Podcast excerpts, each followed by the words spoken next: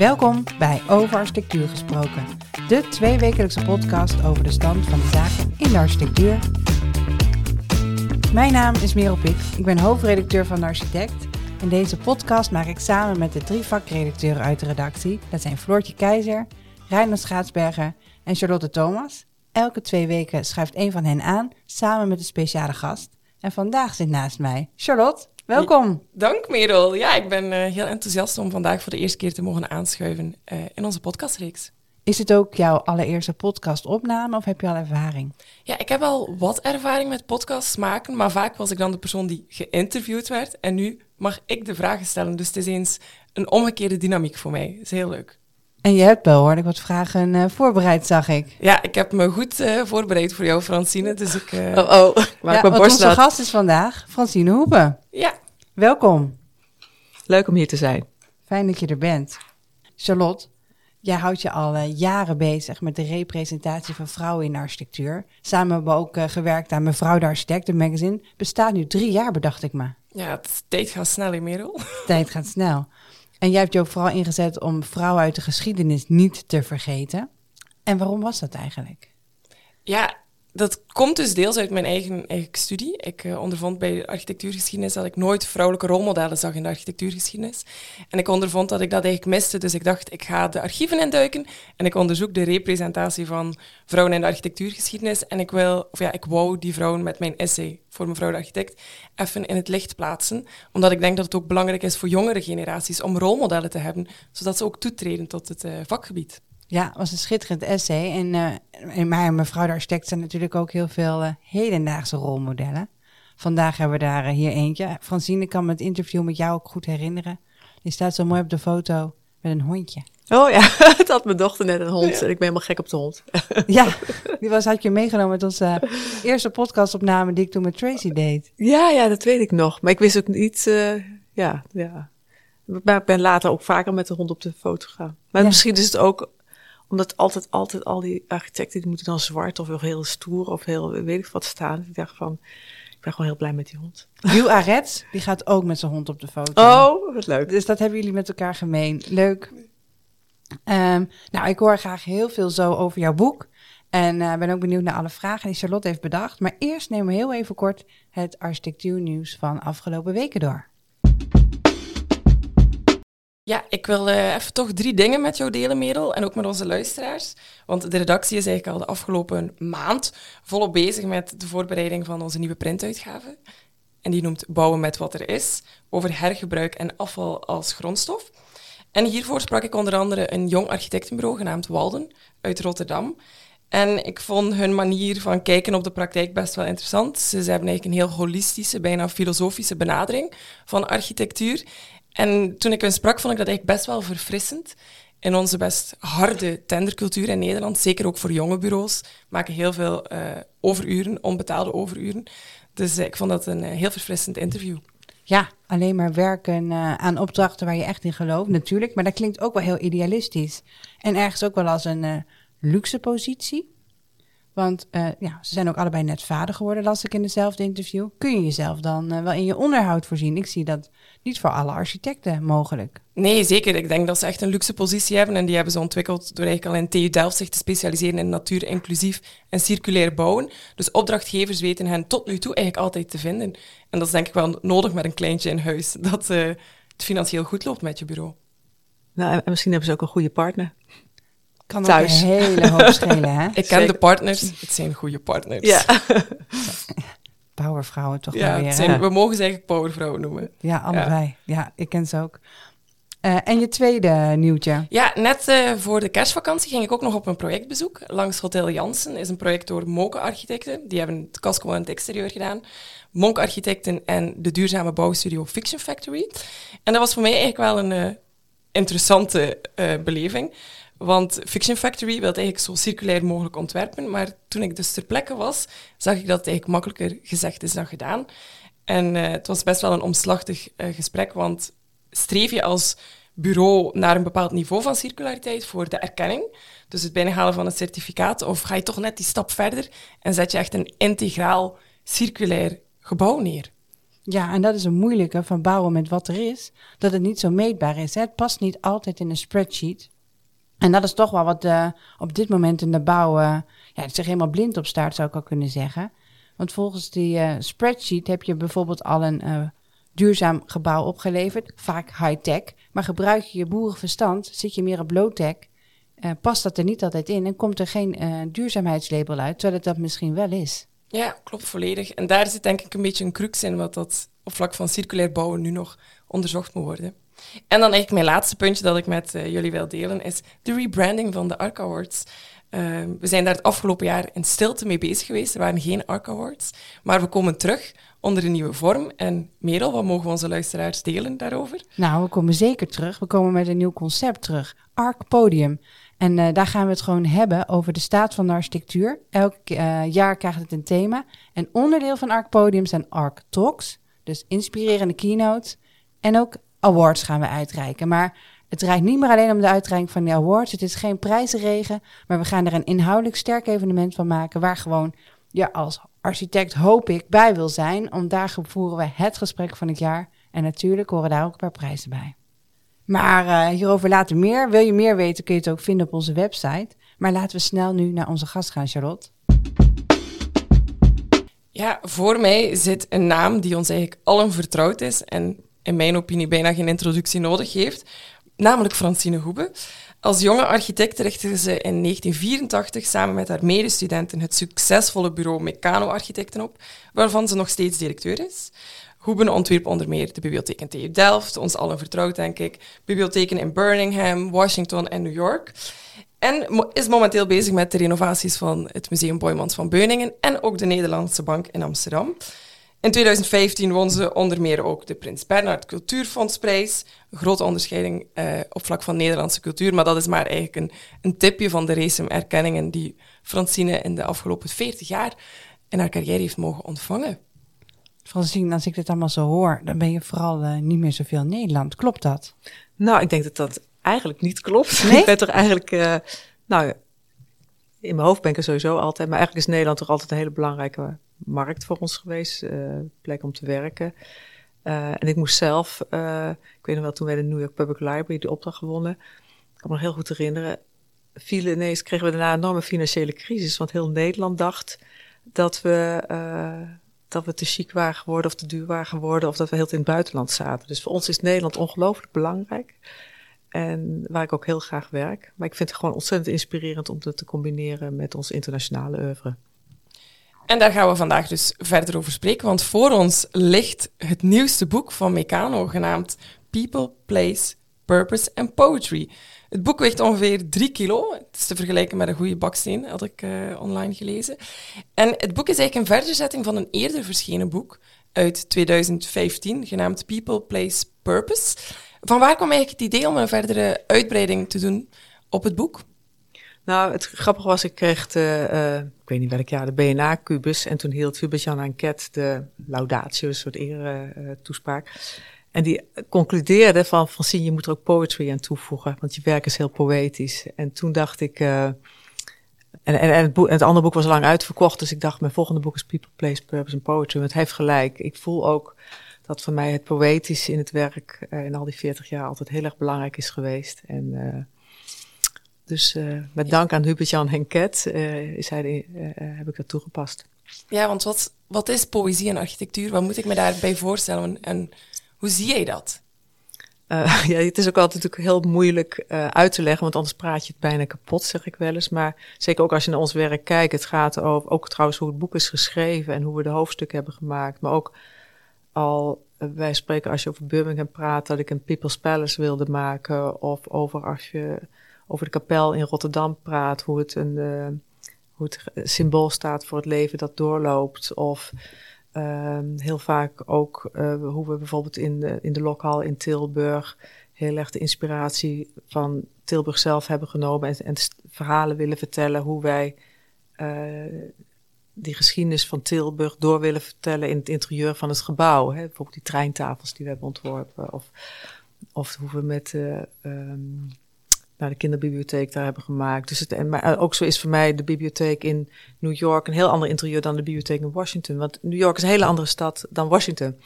En het is misschien voor mij ook een reactie op dat je als je op school zit, uh, TU Delft heb ik gedaan, je werd bijna getraind dat je een soort eigen stijl moest ontwerpen en die moest je eindeloos verdedigen en die vervolgens de, hele, de rest van je leven volhouden of zo. Wat ik niks dodelijker vind intellectueel gezien. Dus ik wil heel erg ontwerpen voor wie ik dat doe, uh, voor welke stad, op welke plek, in welk land, voor welk klimaat. En uh, dat mensen ook het, uh, het verhaal erin kunnen lezen en ook hun eigen interpretatie eraan mogen geven. Het hoeft ook niet een eenduidig verhaal te zijn. Dus dat is misschien ook het poëtische. Ook poëzie, die moet je ook niet eenduidig uitleggen. Nee, het is eigenlijk niet plat, plat te slaan, bij wijze nee. van. Het is iets gevoelsmatig dat, als ik het zo hoor bij jou, ook locatiegebonden ook is. Ja, ook klaar, ja. ja. En heb je nou echt ruimte in elk project om de poëzie daarin te vinden? Op dit moment is er zo'n geluid in Nederland uh, gaande van er is steeds minder ruimte voor om die uh, te vinden. Uh, dat klopt, denk ik. Ik zeg ook altijd, iedere architect moet een beetje voor zichzelf praten. Maar in dus deel heb je natuurlijk de hele toestand met hoe überhaupt tenders gaat. Kijk, voor mij misschien als eerste plaats, voor mij is architectuur of het vak van architect is iets wat je, is geen autonome kunst. Je doet dat met een opdrachtgever, en soms zijn het meerdere opdrachtgevers. En je doet het voor publiek, voor een opdrachtgever. Dus het is echt iets anders dan als ik uh, kunst ontwerp of zo.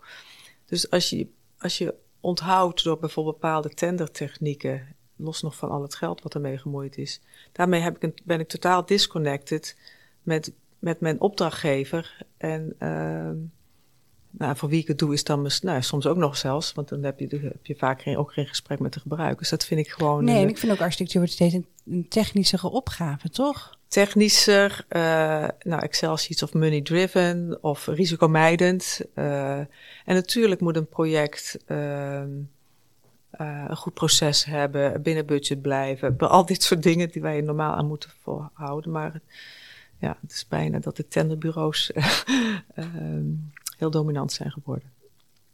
Ja, want in een e-, eerder interview zei je ook al, mooie architectuur is, is een recht. Het gebouw is ook zo goed uh, zoals de opdrachtgever is. Dus daar ligt er eigenlijk in Nederland, denk ik, dan toch echt die slag te maken nog. Ja. Als we het dan hebben, onder andere ook over die spreadsheet-architectuur.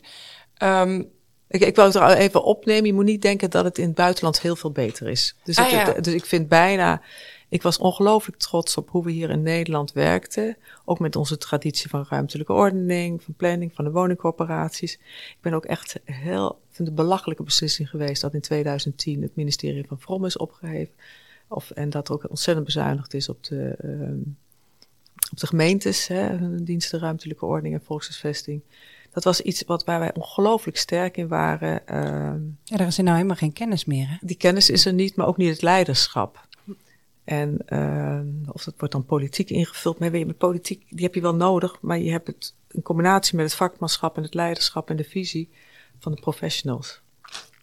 Ja, want als je kijkt naar het begin van jullie carrière, was het ministerie van Vrom best wel belangrijk in jullie opdrachtgeving met sociale woningbouw ook. Toen was er ook ruimte voor jonge bureaus om eigenlijk die grote projecten aan te nemen. Je boek is een reflectie op die 40 jaar architectuur. Het bundelt echt een race aan uh, projecten, maar lang niet allemaal. Uh, ik, kon, ik zag dat niet, niet alle projecten erin stonden en ik vroeg me af, hoe is de selectie gegaan en welke projecten hebben het gehaald en welke niet? En waarom is dat dan? dat was, uh, nou, we hadden ook een maximum van de, de drie kilo misschien of de 500 zoveel pagina's. Uh, dus uh, maar je, kan ook zien, we hebben dit, dit, thema's genomen hè, van the Wisdom and Wizardry of the Big Picture, die voor mij ook echt gaat over. want jullie hebben nu heel erg over architectuur, maar ik weet niet of het architect ook over stedenbouw gaat. Ik vind eigenlijk dat de grote opgaves in de toekomst heel erg over stedenbouw gaan en, en de landschap en de regionale planning. Uh, want wil je al de opgaves waar we voor staan, uh, van de verduurzaming, de energietransitie enzovoort, moet je op een veel grotere schaal ook kunnen denken. Um, Heb je daarvan een voorbeeld? Nou ja, bijvoorbeeld de plannen die wij hebben gemaakt voor en de visie voor Rotterdam-Zuid. Uh, maar ook de plannen die we hebben gemaakt die erin staan voor het Nationaal Park Nieuwland. En hoe, komt dan, hoe komen dan zulke opgaves daar tot uiting? Uh, door uh, normaliter zouden, zeg maar in vroegere jaren, zou misschien uh, het ministerie dit hebben gemaakt, of de Rijksplanologische Dienst, of, of de, de dienst stedenbouw van Rotterdam. Het, het is er niet. Dus ik ben zelf op een gegeven moment zelf, bijvoorbeeld voor Rotterdam-Zuid, uh, vanuit verbazing en nieuwsgierigheid, dat ik denk, dit gebeurt niet, ben ik gewoon zelf op stap gegaan en ben langzamerhand in al die jaren, door met iedereen ook te praten, bottom-up, maar ook heel erg bottom-up, en maar ook, ook met de, de, top te praten. En dan ook met heel veel partijen samen te werken, een, een, een plan gaan maken. En daar zijn we nog steeds mee bezig. Ja, dat heb jij toen aangeboden aan de stad. Ja. En uh, dat gaan ze dus nu maken. Nou ja, ze pikken daar dingen uit op en wij gaan daar nog meer. Ik ben nog verder. En wat het ontzettend leuke is, ik denk dat dat ook de nieuwe stedenbouw is, is dat ook bijvoorbeeld het MBO en het HBO-onderwijs die sloten aan, die zagen die visie heel erg zitten. Maar ook de TU Delft en de Erasmus Universiteit, maar ook de woningcorporaties en het ziekenhuis en de RET. Dus iedereen zei van god, dit is een soort beweging met elkaar. Uh, die wij steunen. En het helpt hun in hun, doordat er zo'n visie is, dat ze eigen beleid kunnen maken en keuzes maken waar ze wel en niet op willen investeren. Maar ook die nieuwe manier van samenwerken. Um, en het dan weer uh, wel of niet aan de stad of aan de haven voor te leggen. En uh, uh, het is ook bijna een, we noemen het ook de manifestgroep. Dus voor mij is het bijna een nieuwe manier van, ja, want ook omdat je zegt, kijk wel 40 jaar terug, maar ik ben ook heel erg met de toekomst bezig. Nieuwe vormen van hoe je weer hoe je stedenbouw gaat doen. En dat doe je ook heel erg in weet het, co-making, weet het, samenwerking. samenwerking. Ja, maar ik vraag me dan onmiddellijk ook af, is dat ook een rol die de architect dan nu echt op zich moet nemen?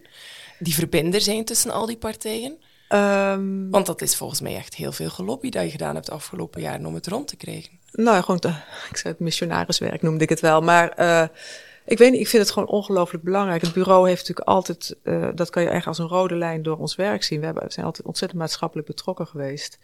En ik heb eigenlijk elke keer geagendeerd, hè, dus ook die tekening die verderop staat van uh, de, de, de, Cirkel. de jaringen van ja. een boom. Dus dat ik letterlijk kijk van, hè, ik kom natuurlijk uit de 70 jaren, de stadsvernieuwing. En toen dacht ik, hè, daar moet iets aan gebeuren. En die volkshuisvesting deugt niet en je moet ook voor jongeren bouwen. Of en toen dacht ik, nou, we dat allemaal gedaan. Toen dacht ik, ja, dat onderwijsgebouwen die kloppen niet.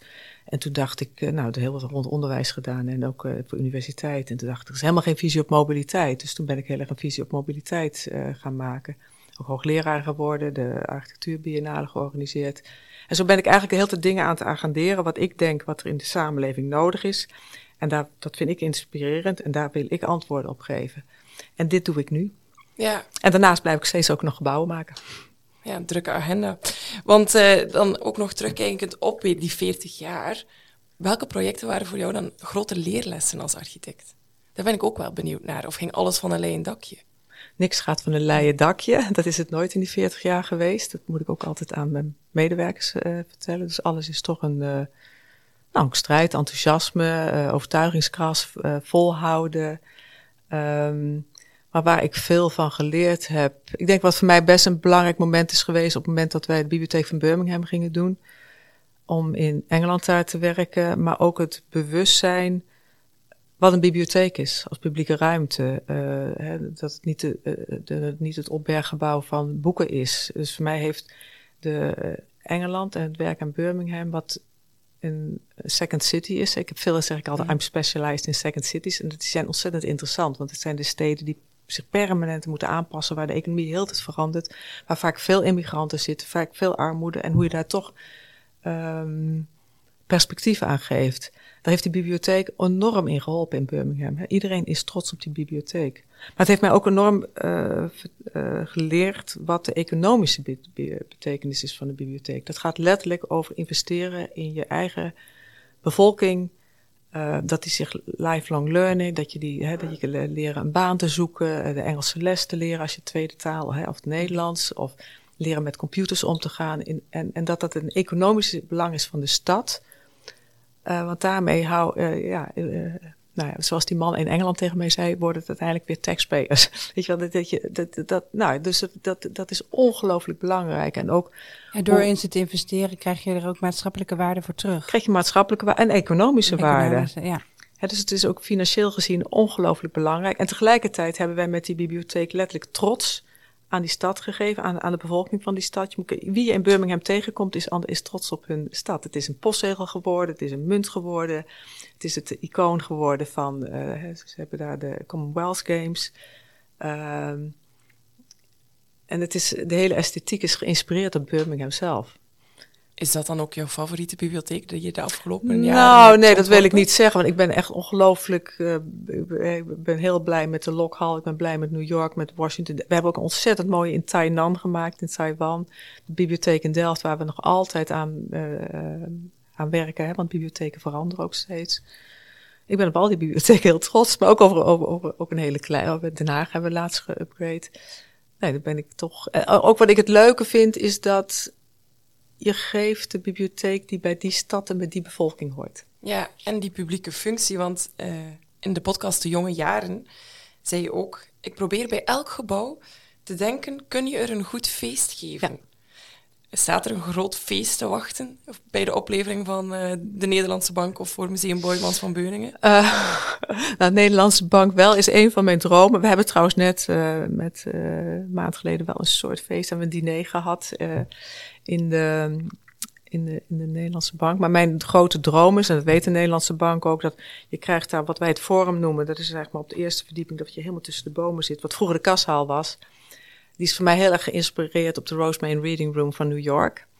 En daar hebben we ook altijd jaarlijks een diner, het gala van de dinges. Dus, mijn, en, dus het zijn reading tables, dat je daar kan werken, kan je studeren. Maar je kan er ook fantastische diners geven, of hele mooie toespraken, of een heel chic eh, inspiratiedebat houden.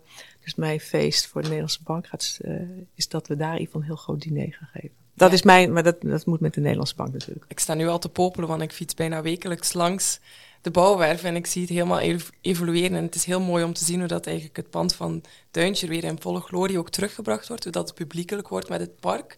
Eh, wanneer staat de oplevering exact gepland in het feest? Eh, ik denk dat, eh, ik denk dat, wanneer is het nu 24? Ik denk volgend jaar, eind volgend jaar dat dat eh, gebeurt. We hebben natuurlijk tussenfases, dat weet ik dan niet precies wanneer het in gebruik is, maar wanneer de aannemer het overdraagt. Maar ik denk dat we, nou ja, dat diner wel over één, anderhalf jaar is, ja.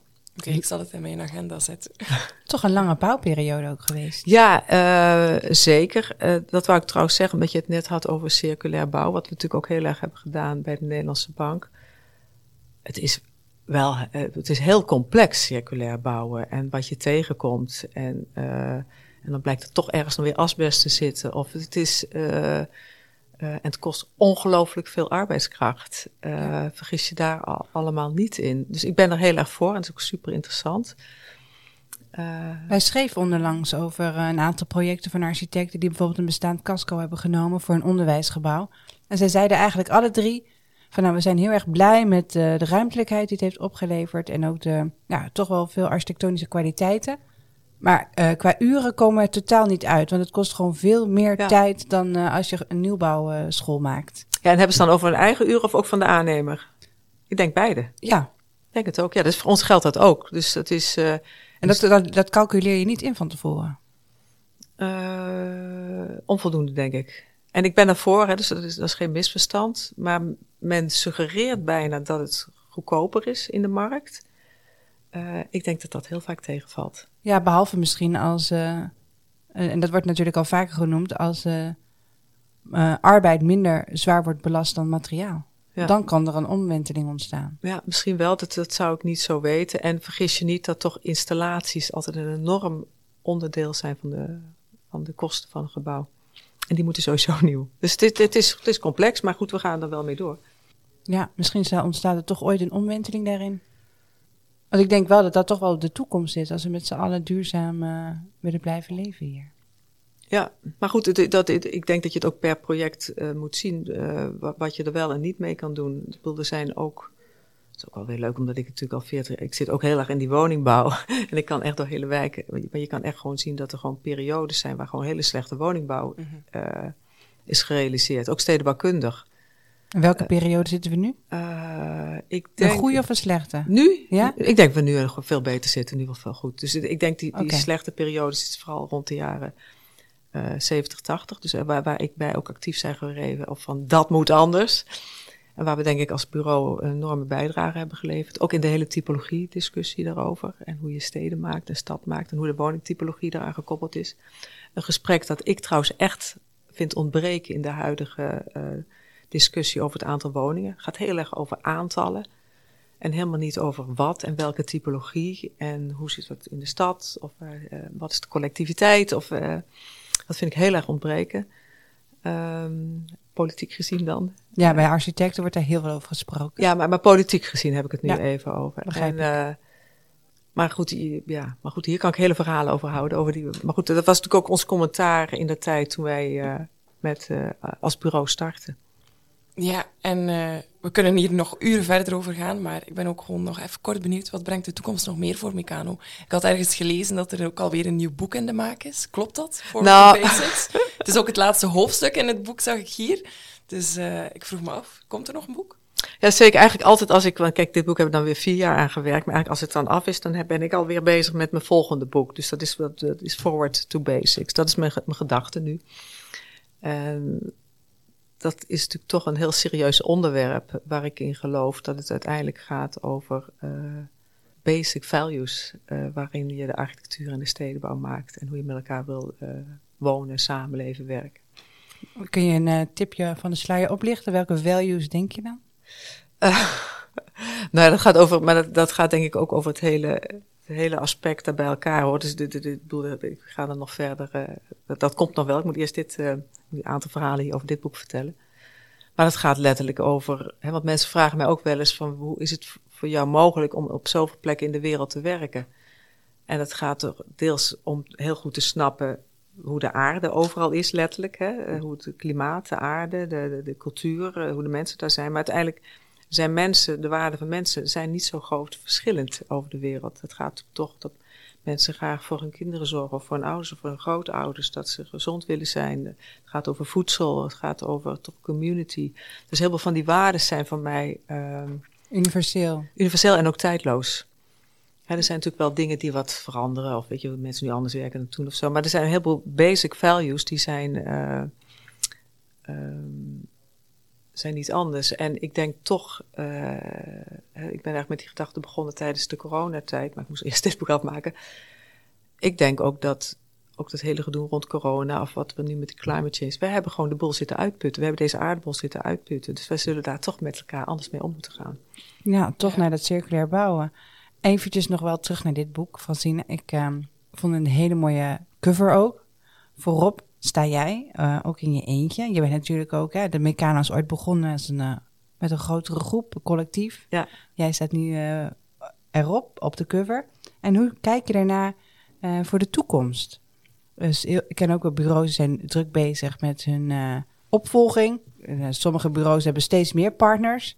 Blijf jij erop staan op de cover? Of wordt het volgende boek, sta je daar met een groep? Nou, wij staan sowieso in het boek met de, alle partners en het hele bureau. Um, ja, maar toch zet je je wel op de. Ja, op dus de deze, hè, dus dit is de foto van het hele bureau. Ja. Of niet van het hele bureau, van alle partners. Uh, ik, sta op de, ja, ik sta op de cover. Um, dat heeft meerdere redenen. Dat we het een hele poëtische foto vinden. Ook het licht wat ik mooi vind. Ik heb ook altijd, altijd het Pantheon als grootste uh, ding is gevonden. Um, en. Uh, nou, we wilden toch ook het vrouwelijk leiderschap laten zien. We, zijn, uh, we zijn wel een bedrijf, maar ik heb natuurlijk toch de hele boel altijd geleid. Tot nu. Want mensen vragen mij ook wel eens, wat, wat is nou je mooiste project? Um, dat is best lastig, want daar kan ik er heel veel van noemen. Maar eigenlijk denk ik, is eigenlijk het bureau. Meccano. Meccano. Daar ben ik ongelooflijk trots op. Ja. Uh, en ook hoe ik dat in 40 jaar heb opgebouwd. Hoeveel maar, mensen werken er nu? Ja, nu 130 of zo, maar er hebben natuurlijk 1500 mensen gewerkt. Ja. Dus je hebt een permanente stroom. Dus we hebben ook 1500 vrienden over de hele wereld.